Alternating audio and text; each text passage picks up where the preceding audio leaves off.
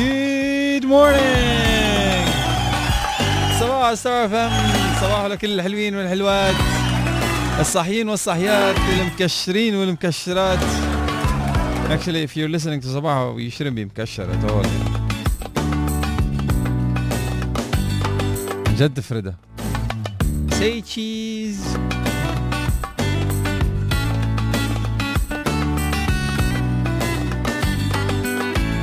كيفنا؟ كيف أصبحنا؟ إن شاء الله نكون نمنا منيح.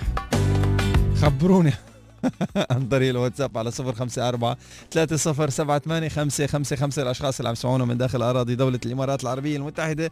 أما بالنسبة للأشخاص اللي عم يسمعونا من الويب وين ما كنتوا تكونوا وورلد وايد سواء بأمريكا ولا بكندا ولا بألمانيا ولا بالصين. ولا بتايلاند ولا بأستراليا. وين ما كنتوا تكونوا. من خلال تطبيق Star FM من على متجر تطبيقات Star FM UAE أو AD Radio فيكم تتواصلوا معنا من خلال نفس رقم الواتساب مع فتح الخط 00971 54 3078 555 أبو عمر جزء من شعري ما خنتك يوم ولكن خانتك أفكارك. تعذبت كثير من أجل ولكن بعدي كان اختيارك. فلو فعلا وحشتك فلماذا لم تسأل كيف حالك؟ صباح الورد.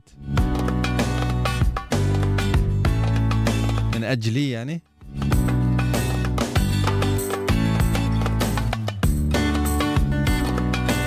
حزوم يسعد صباحك يا غالي.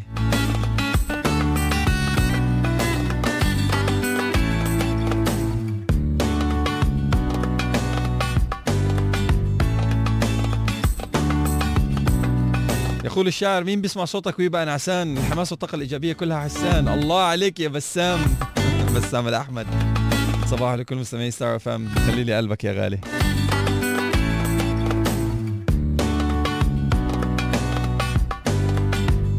اللي مسمي مرته ماما cheese صباحه حسان. طيب شو اسمك؟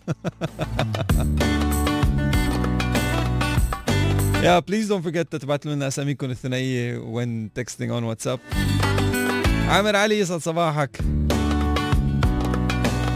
هلا والله للأسف ما نمت كويس بس طريقي واضح وهدفي محدد.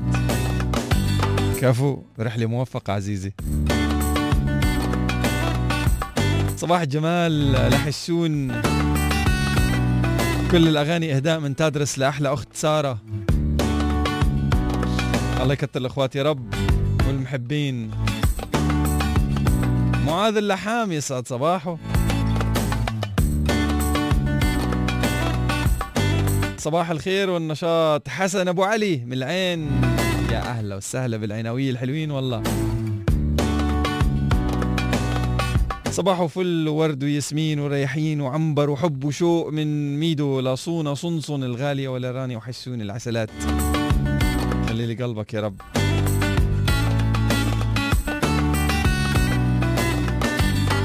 أيمن ماما يسعد صباحك.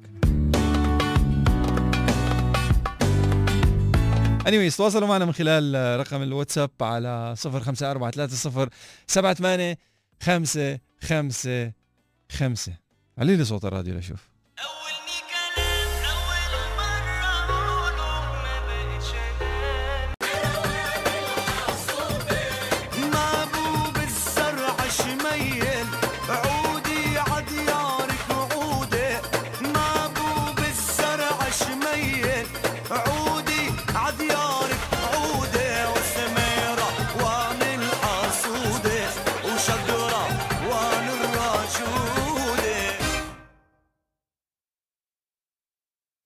عناوين الصحف من صباحه. جولة على عناوين صحفنا المحلية لليوم نبدأ بصفحات الاتحاد الإماراتية بتوجيهات رئيس الدولة ودعم ولي عهد أبو ظبي بناء مستشفى محمد بن زايد آل نهيان في كازاخستان.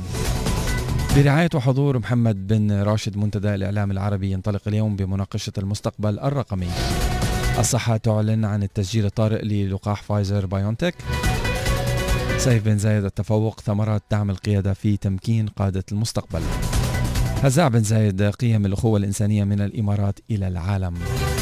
الإمارات تقود العالم نحو استعادة إنسانيته وبناء على مبادرة الإمارات الأمم المتحدة تعتمد 4 فبراير يوما عالميا للأخوة الإنسانية. الذكاء الاصطناعي يرسم توجهات الصناعة الوطنية. خبراء الإمارات مركز عالمي لإدارة الثروات. وفاينلي أبل تنتج سيارات بحلول عام 2024 عناوين الصحف من صباحه.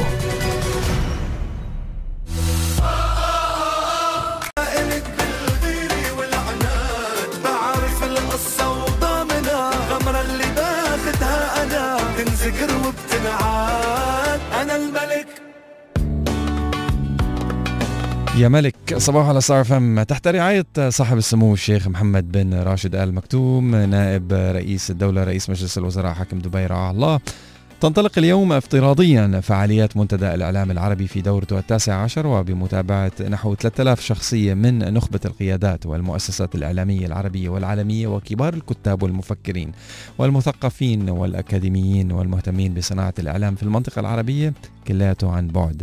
بيرفع منتدى الإعلام العربي عنوان الإعلام العربي المستقبل.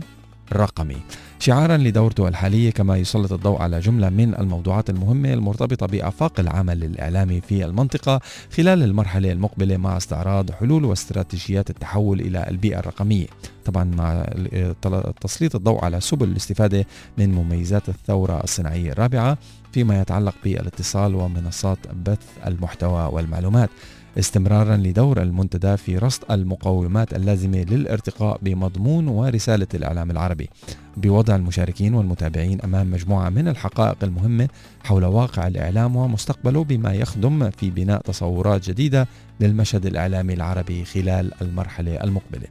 عم تطلع هذه الدورة من المنتدى أيضا إلى التعرف إلى رؤى وأفكار حول عالم سريع التغيرات تنشغل تنشغل فيه الشعوب بالعديد من القضايا اللي بتطال المشهدين السياسي والاقتصادي فضلا عن المشهد الصحي اللي تصدر الأحداث العالمية بسبب جائحة كوفيد 19 وانعكاسها على مختلف أوجه الحياة ومجالاتها بما فيها المجال الإعلامي كما ستتطرق حوارات في هذه الدورة إلى متطلبات التطوير الإعلامي في المنطقة للاستعداد بصورة جيدة للمستقبل والمشاركة في صنع ملامحه. طبعا بيأتي شعار المنتدى هذا العام معبرا عن واقع صناعة الأخبار المتأثر بالموضوعات العربية والقضايا الدولية والعالمية القائمة واللي تسببت في إحداث حالة لم يسبق لها مثيل من عدم اليقين إثبات المتلقي بيعتمد بنمط متزايد على المنصات البديلة مع الابتعاد عن الوسائل الإعلامية التقليدية المعروفة. طبعا في تفاصيل أكثر لهذا الخبر موجود بصفحات الإمارات بصحيفة الاتحاد لليوم بعنوان برعاية وحضور محمد بن راشد منتدى الإعلام العربي ينطلق اليوم بمناقشة المستقبل الرقمي عن بعد.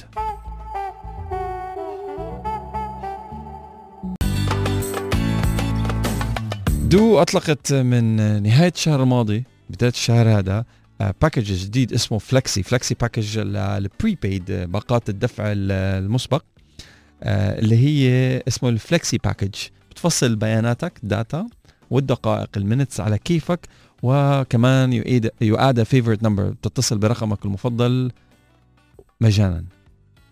And you can run it and manage the show من خلال تطبيق du. آه فيكم تستمتعوا بكل هالمزايا وأكثر ابتداء من 49 درهم بالشهر. آه بتشتركوا هلا بالضغط على نجمة. واحد واحد واحد نجمة. 100 مربع. أو زوروا ال website du dot ae رح تلاقوا على الصفحة الأولى.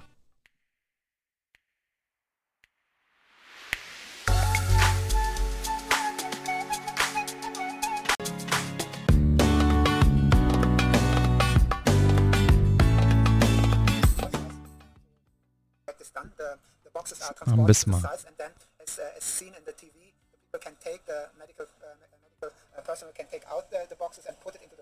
عم بسمع interview مع CEO شاهين of BioNTech الشركة اللي one of the companies اللي أطلقوا ال vaccine ب Europe.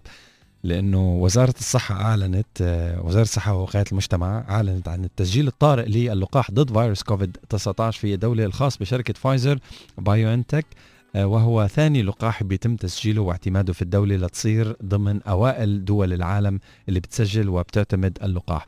وجاء هذا القرار بناء على الطلب اللي تقدمت به شركة فايزر للموافقة على التسجيل الطارئ للقاح لتتمكن بعد ذلك الجهات الصحية من استيراد هذا اللقاح بعد استيفاء طبعا معايير الأمان والفعالية المعتمدة أثناء الشحن حيث أظهرت النتائج نتائج التقييم أن اللقاح آمن وفعال واجتاز مراحل الاختبار بفعالية حسب التقارير الصادرة عن هيئة الدواء والغذاء الأمريكي ال FDA صرح بذلك دكتور أمين حسين الأميري وكيل الوزارة المساعد لقطاع سياسة الصحة العامة والتراخيص حيث أشار إلى أن الترخيص جاء بعد تقديم شركة فايزر لكافة المستندات المستوفية للإجراءات والأنظمة المعتمدة في الدولة وحسب المعايير العالمية لضمان سلامة ومأمونية اللقاح للاستخدام. طبعا هذا الخبر موجود بصفحات الاتحاد الصحيفة الرسمية لدولة الإمارات العربية المتحدة بعنوان الصحة تعلن عن التسجيل الطارئ للقاح فايزر بايو انتك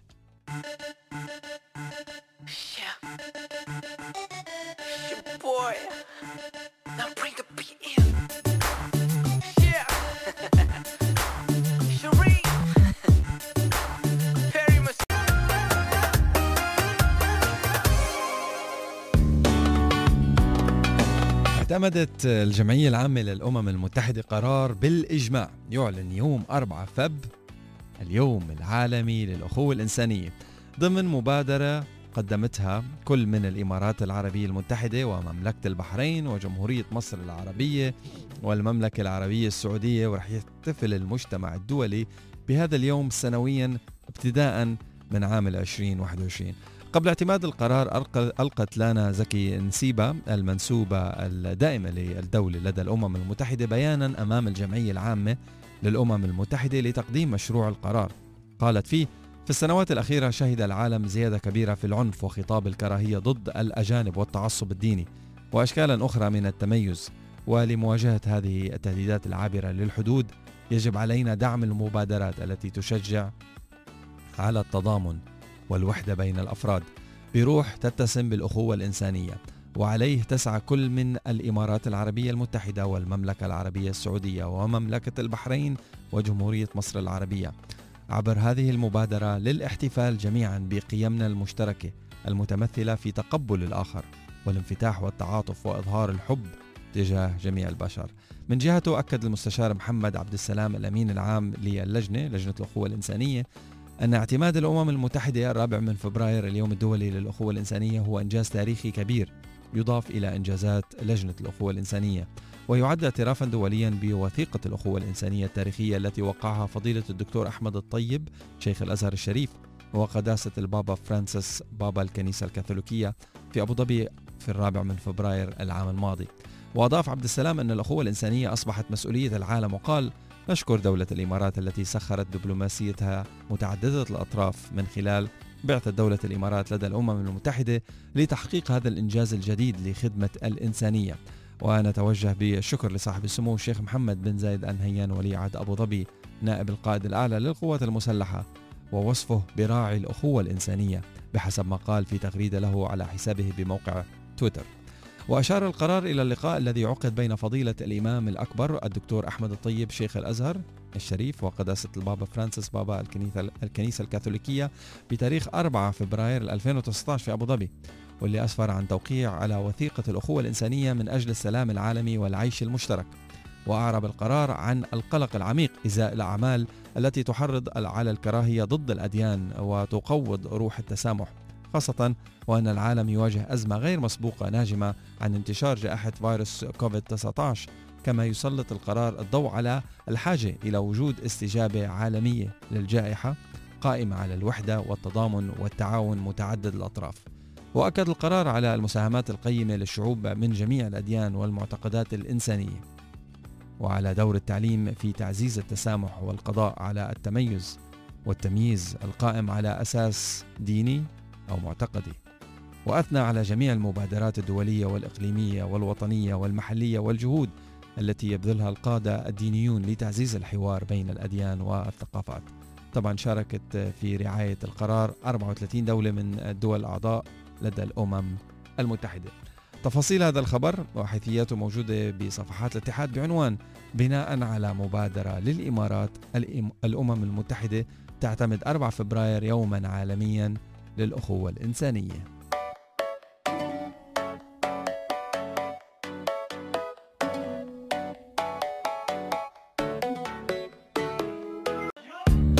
I think لازم تركز وتركزي بهذا الخبر إذا كنتم من الأشخاص اللي موجودين في إمارة أبو ظبي.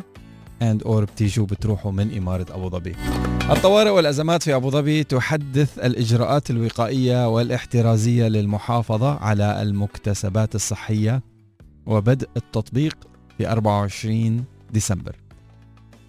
أعلنت لجنة إدارة الطوارئ والأزمات والكوارث الناجمة عن جائحة كورونا في إمارة أبو ظبي يوم أمس يعني يوم الثلاثاء.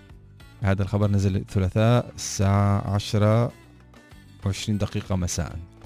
عن تحديث الإجراءات الوقائية والاحترازية المطبقة في إمارة أبو ظبي للمحافظة على كافة المكتسبات الصحية المحققة وسيبدأ تطبيق هذا الإجراء من يوم الخميس الموافق 24 ديسمبر.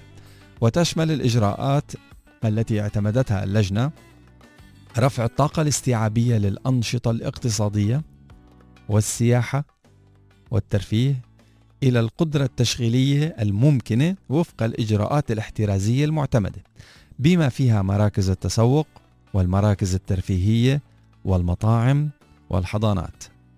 واعتمدت اللجنة تعديل مدة صلاحية النتيجة السلبية لفحص مسحة الأنف ال PCR أو فحص الليزر ال DPI المستخدم لدخول الإمارة من 48 ساعة إلى 72 ساعة. واستبدال فحصي اليوم الرابع والثامن بفحص يجري في اليوم السادس من الدخول لمن تتجاوز مدة إقامته ستة أيام متتالية. كما اعتمدت اللجنة إجراءات الدخول للمسافرين الدوليين بمن فيهم سكان الإمارة والسياح. تشمل استثناء القادمين من الدول الخضراء من الحجر الصحي وتقليص مدة الحجر الصحي للقادمين من الدول الأخرى إلى عشرة أيام فقط وإجراء فحص PCR لجميع القادمين من السفر في اليوم السادس لمن تتجاوز مدة إقامته ستة أيام. وإضافة الفحص في اليوم الثاني عشر لمن تتجاوز مدة إقامته 12 يوم. وسيراجع تصنيف الدول كل أسبوعين. وتبعا أو تبعا للإجراءات الاحترازية العالمية اعتمدت اللجنة تقليص مدة الحجر الصحي للمخالطين إلى عشرة أيام فقط شرط إجراء فحص PCR في اليوم الثامن وأن تكون نتيجته سلبية. وحسب الإجراءات المعلن عنها سابقا يستمر استثناء المشاركين في برنامج التطعيم الوطني لكوفيد 19 والمشاركين في المرحلة الثالثة للدراسات السريرية للقاح والذين تظهر تظهر حالتهم الخاصة أو تظهر حالتهم الخاصة حرف إي أو النجمة الذهبية على تطبيق الحصن من إجراءات الحجر الصحي للمخالطين وعند العودة من السفر. كما أعلنت أو اعتمدت اللجنة استكمال جدول مبادرات برنامج مسح وطني لإجراء الفحوصات الدورية لسكان المناطق الصناعية والمجمعات ذات الكثافة السكانية العالية وموظفي الأنشطة التجارية المختلفة في إمارة أبو ظبي. بالإضافة إلى تعزيز الطاقة الاستيعابية لمراكز الفحص التابعة لصحة والمتواجدة خارج الإمارة وإلغاء إجراء الفحوصات في مراكز الفحص الحالية عند نقاط الدخول. وجددت اللجنة دعوتها لجميع أفراد المجتمع لمواصلة التزامهم باتباع الإجراءات الوقائية والاحترازية للحفاظ على صحتهم والصحة العامة. الطوارئ والأزمات في أبو ظبي تحدث الإجراءات الوقائية والاحترازية للمحافظة على المكتسبات الصحية وبدء التطبيق ب 24 ديسمبر. رجاء دائما خذوا الأخبار من مصادرها الرسمية. صحيفة الاتحاد. وكالة أنباء الإمارات. نغمة تجمعنا وتحيا فينا اتصالات معا.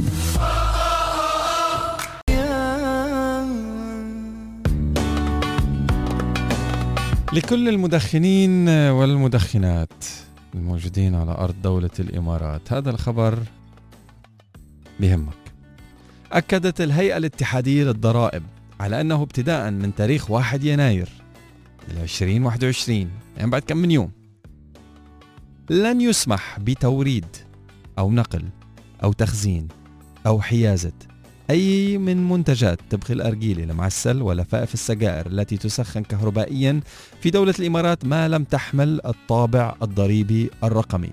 وحثت الهيئة المعنيين بالقرار من موردين ومصنعين محليين على الامتثال للقرار بالتأكد من أن تحمل منتجات من تبغ الأرجيل المعسل ولفائف السجائر التي تسخن كهربائيا الطابع الضريبي والتأكد من خلو السوق منها لتجنب المخالفات المذكورة في قرار مجلس الوزراء رقم 33 لسنة 2019 بشأن الغرامات الإدارية لمخالفة الإجراءات المتعلقة بتطبيق العلامة المميزة على السلع الانتقائية.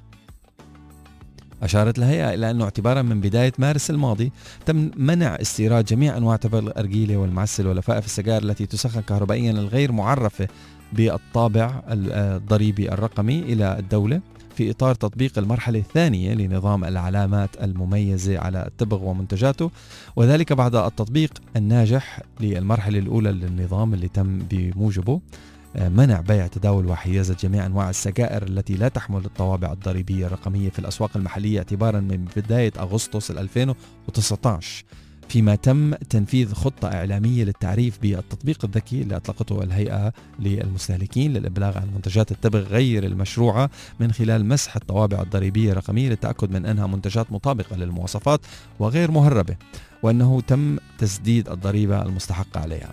وبساعد هذا النظام على تحسين قدرة الهيئة الاتحادية للضرائب على تحصيل الضرائب الانتقائية على تبغ الأرجيلة المعسل لفائف السجائر التي تسخن كهربائيا في الدولة بعد استيرادها أو تصنيعها محليا والرقابة عليها بالإضافة إلى تمكين الجهات المعنية من تحليل وتدقيق سلسلة التوريد لرصد تجارة منتجات التبغ غير المشروعة بشكل أفضل. طبعا بيشتغل النظام على تطبيق معايير الامتثال من خلال آه، تمكين رصد وتتبع منتجات التبغ المتوافقة مع هذه المعايير وعليه تؤكد الهيئة على ضرورة امتثال كافة الخاضعين للضريبة الانتقائية من الشركات العاملة في قطاع تصنيع وتوريد التبغ ومنتجاته للنظام ومتطلباته وتعاونهم مع الهيئة لتطبيقه بدقة وفعالية.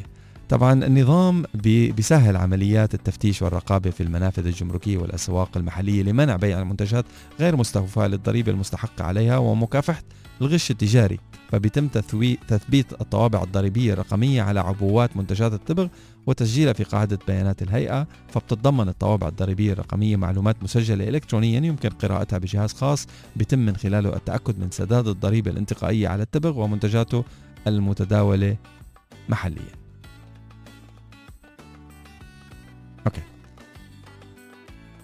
تفاصيل هذا الخبر موجودة بوكالة أنباء الإمارات بعنوان بدءا من يناير منع وبيع ونقل وتخزين وحيازة تبغ الأرجيلة ولفائف السجائر التي تسخن كهربائيا ما لم تحمل طابع ضريبي رقمي. صباحو.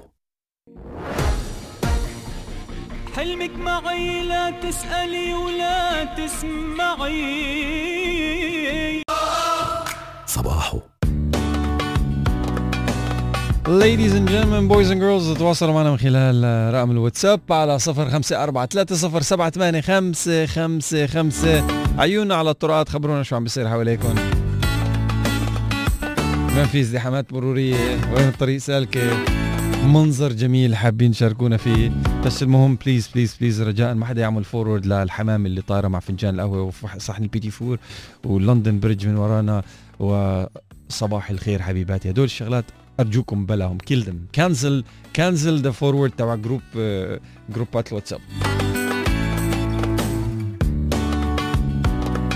دعوة لزيارة المجمع الثقافي لمشاهدة أحدث المعارض الفنية. بما في ذلك معرض الفنان الإماراتي عبد الرحيم سالم بين الصخب والسكينة والمعرض الجماعي مهيرة ومعرض الأطفال الكتاب المبدعون والمجمع الثقافي بيت الفن والثقافة في أبو ظبي.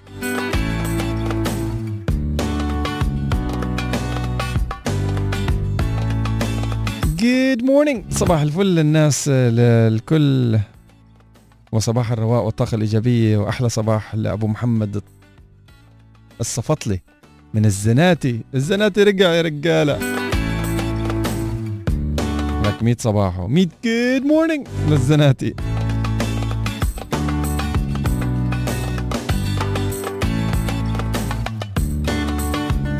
عبد المصري بعت مسج 3 grand essentials to happiness in this life in this life uh, شو are something to do something to love okay 3 grand essentials to happiness in this life are نقطتين فوق بعض something to do something to love and something to hope for good morning with regards to Hassan and the team and Star FM عبد المصري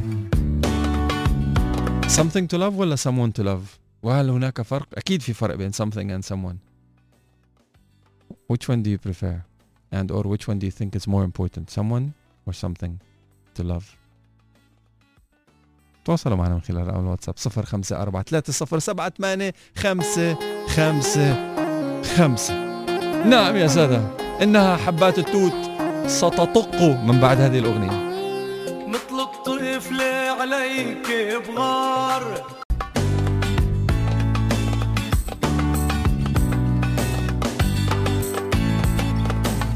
صباح ستار أف إم من شوي عبد المصري بعت مسج بيقول لك 3 grand essentials to happiness ابعتها على الواتساب على 0543078555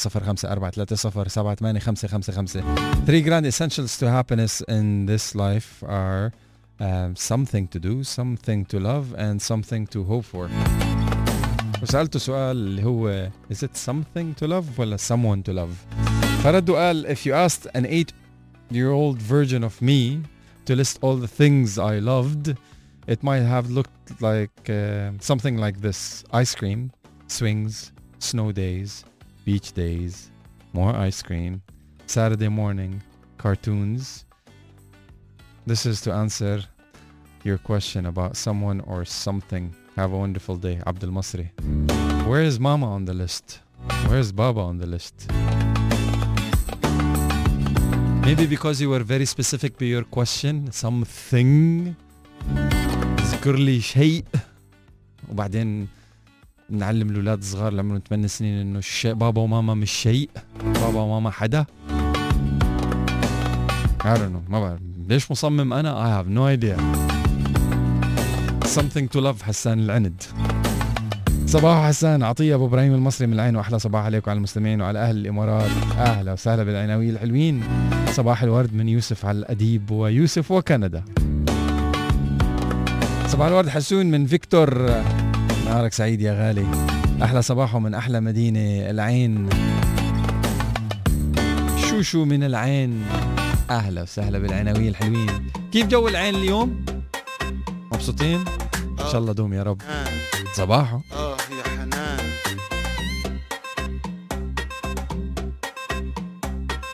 آه يا حنان. آه يا حنان. للي عم بدوروا على وظائف المستقبل. This is for you. للي عم بدور على استمرارية عمل بكرة. This is for you. أجمع خبراء في مجال الصناعة على أنه الذكاء الاصطناعي رح يرسم توجهات الصناعة الوطنية في المستقبل القريب. وهذا الشيء رح يسهم في تطور قطاع الصناعة في دولة الإمارات وزيادة تنافسيته عالميا. قال الخبراء أن الذكاء الاصطناعي والتكنولوجيا رح ترسم صورة مغايرة لقطاع الصناعة في دولة الإمارات بدءا من شكل المصانع ومرورا بالعملية الإنتاجية وصولا إلى تسويق الإنتاج. مؤكدين أن الآثار الاقتصادية للذكاء الاصطناعي لا تقتصر على تقليل التكلفة وتغيير أنماط الاستهلاك والإنتاج وتحسين الإنتاجية فقط بل تمتد إلى تحقيق معدلات نمو اقتصادي مرتفعة من خلال الاستثمار الذكي في مختلف القطاعات.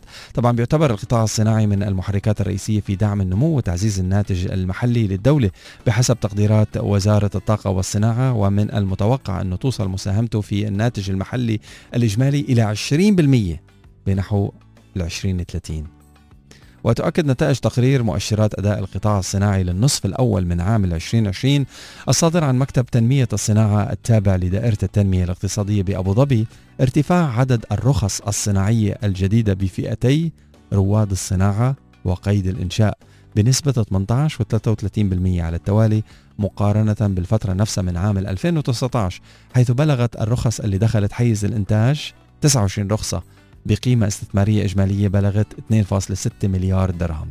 وسجلت أعداد المنشآت الصناعية اللي دخلت حيز الإنتاج في الإمارة نسبة نمو تجاوزت ال 57% بما مجموعه 66 منشأة صناعية بلغت قيمتها الاستثمارية 6.29 مليار درهم ووصل العدد الإجمالي للرخص الصناعية المسجلة حتى نهاية ال 2019 ب 1052 رخصة.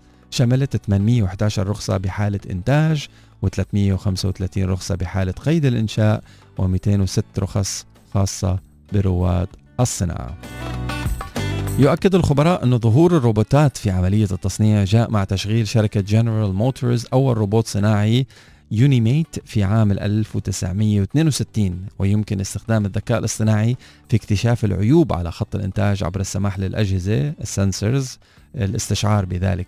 وبحيث يتم سحب الجزء المعيب من أو عن خط الإنتاج على الفور. وهذا الشيء بيوفر مبالغ طائلة على المصنعين بدءا من عملية الإنتاج ونهاية بإضطرار الشركات إلى سحب المنتجات المعيبة من السوق مشيرين إلى أنه في ظل التطورات المستقبلية سيصبح الذكاء الاصطناعي أساسي في تقييم الفرص والتنبؤ بالطلبيات المستقبلية إلى جانب تطوير وإنتاج منتجات مبتكرة مصممة خصيصا لكل عميل على حدة. عبر تقنية الطباعة ثلاثية الأبعاد.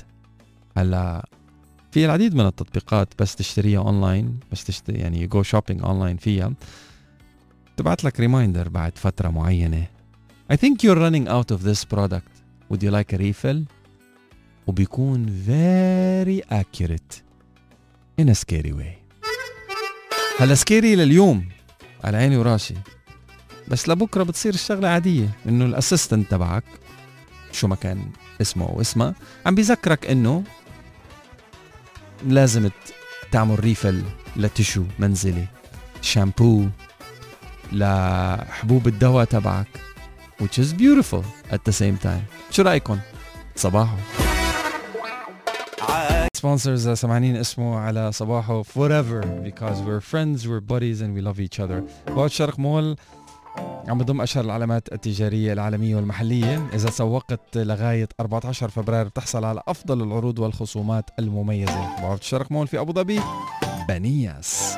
شو هالحلا عليكي فيك القمر مغروم نيات ايديكي عم تلمسك كل يوم شو هالحلا عليكي فيك القمر مغروم نيات Technology Today.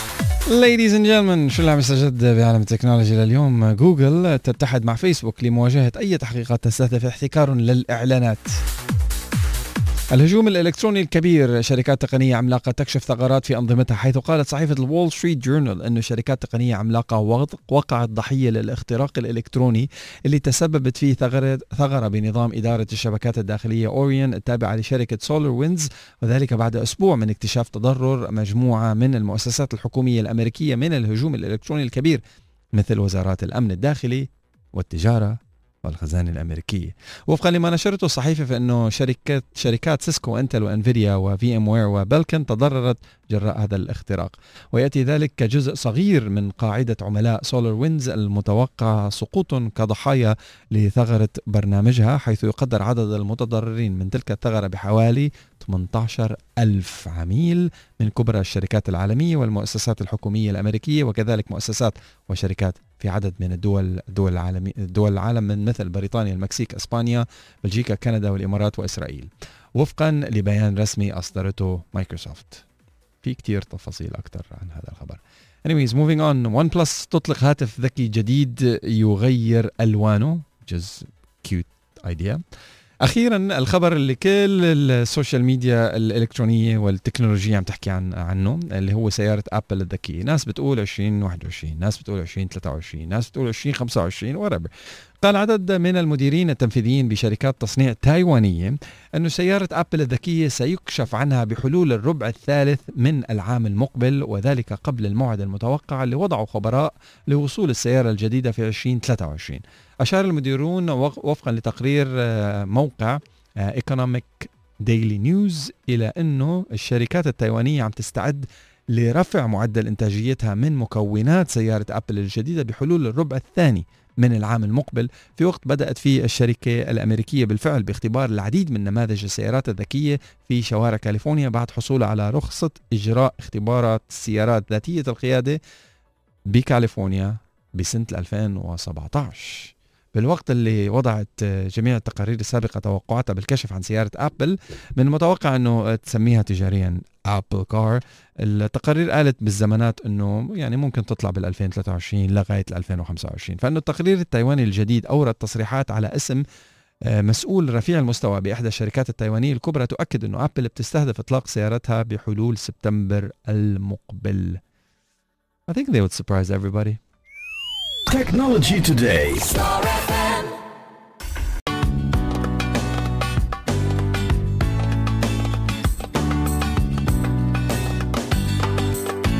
صباحو خلينا نقرا شوية مسجز واصلة على رقم الواتساب على صفر خمسة أربعة ثلاثة صفر سبعة ثمانية خمسة خمسة خمسة صباحو لحسين ورانيا أحلى صباح لأحلى رفقة الدوبة ولولو وسونا حنان من العين العين دار الزين. آه يا حنان. ليش ما حكيت اسمي حردت؟ اللي بنحرد شو بنقول له طلقني وريحني هالعمر بعده طويل no, no, no, no.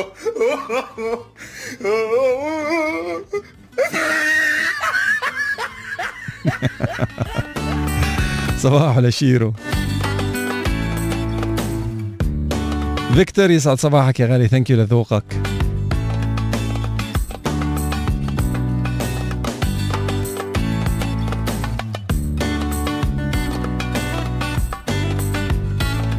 الشغلة حلوة لأنه ما بذكر أخذ دواتي أو أدويتي لبعد ساعتين. حلو جدا الواحد هيك يجيب شيء أو حدا يذكره. لا عليك ما تذكر اسمي حاضر. وما ذكرت المسج كلها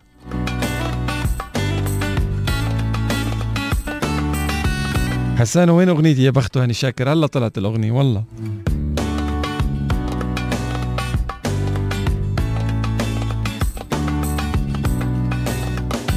اني تواصلوا معنا من خلال آه لا لسه ما طلعت الغنية.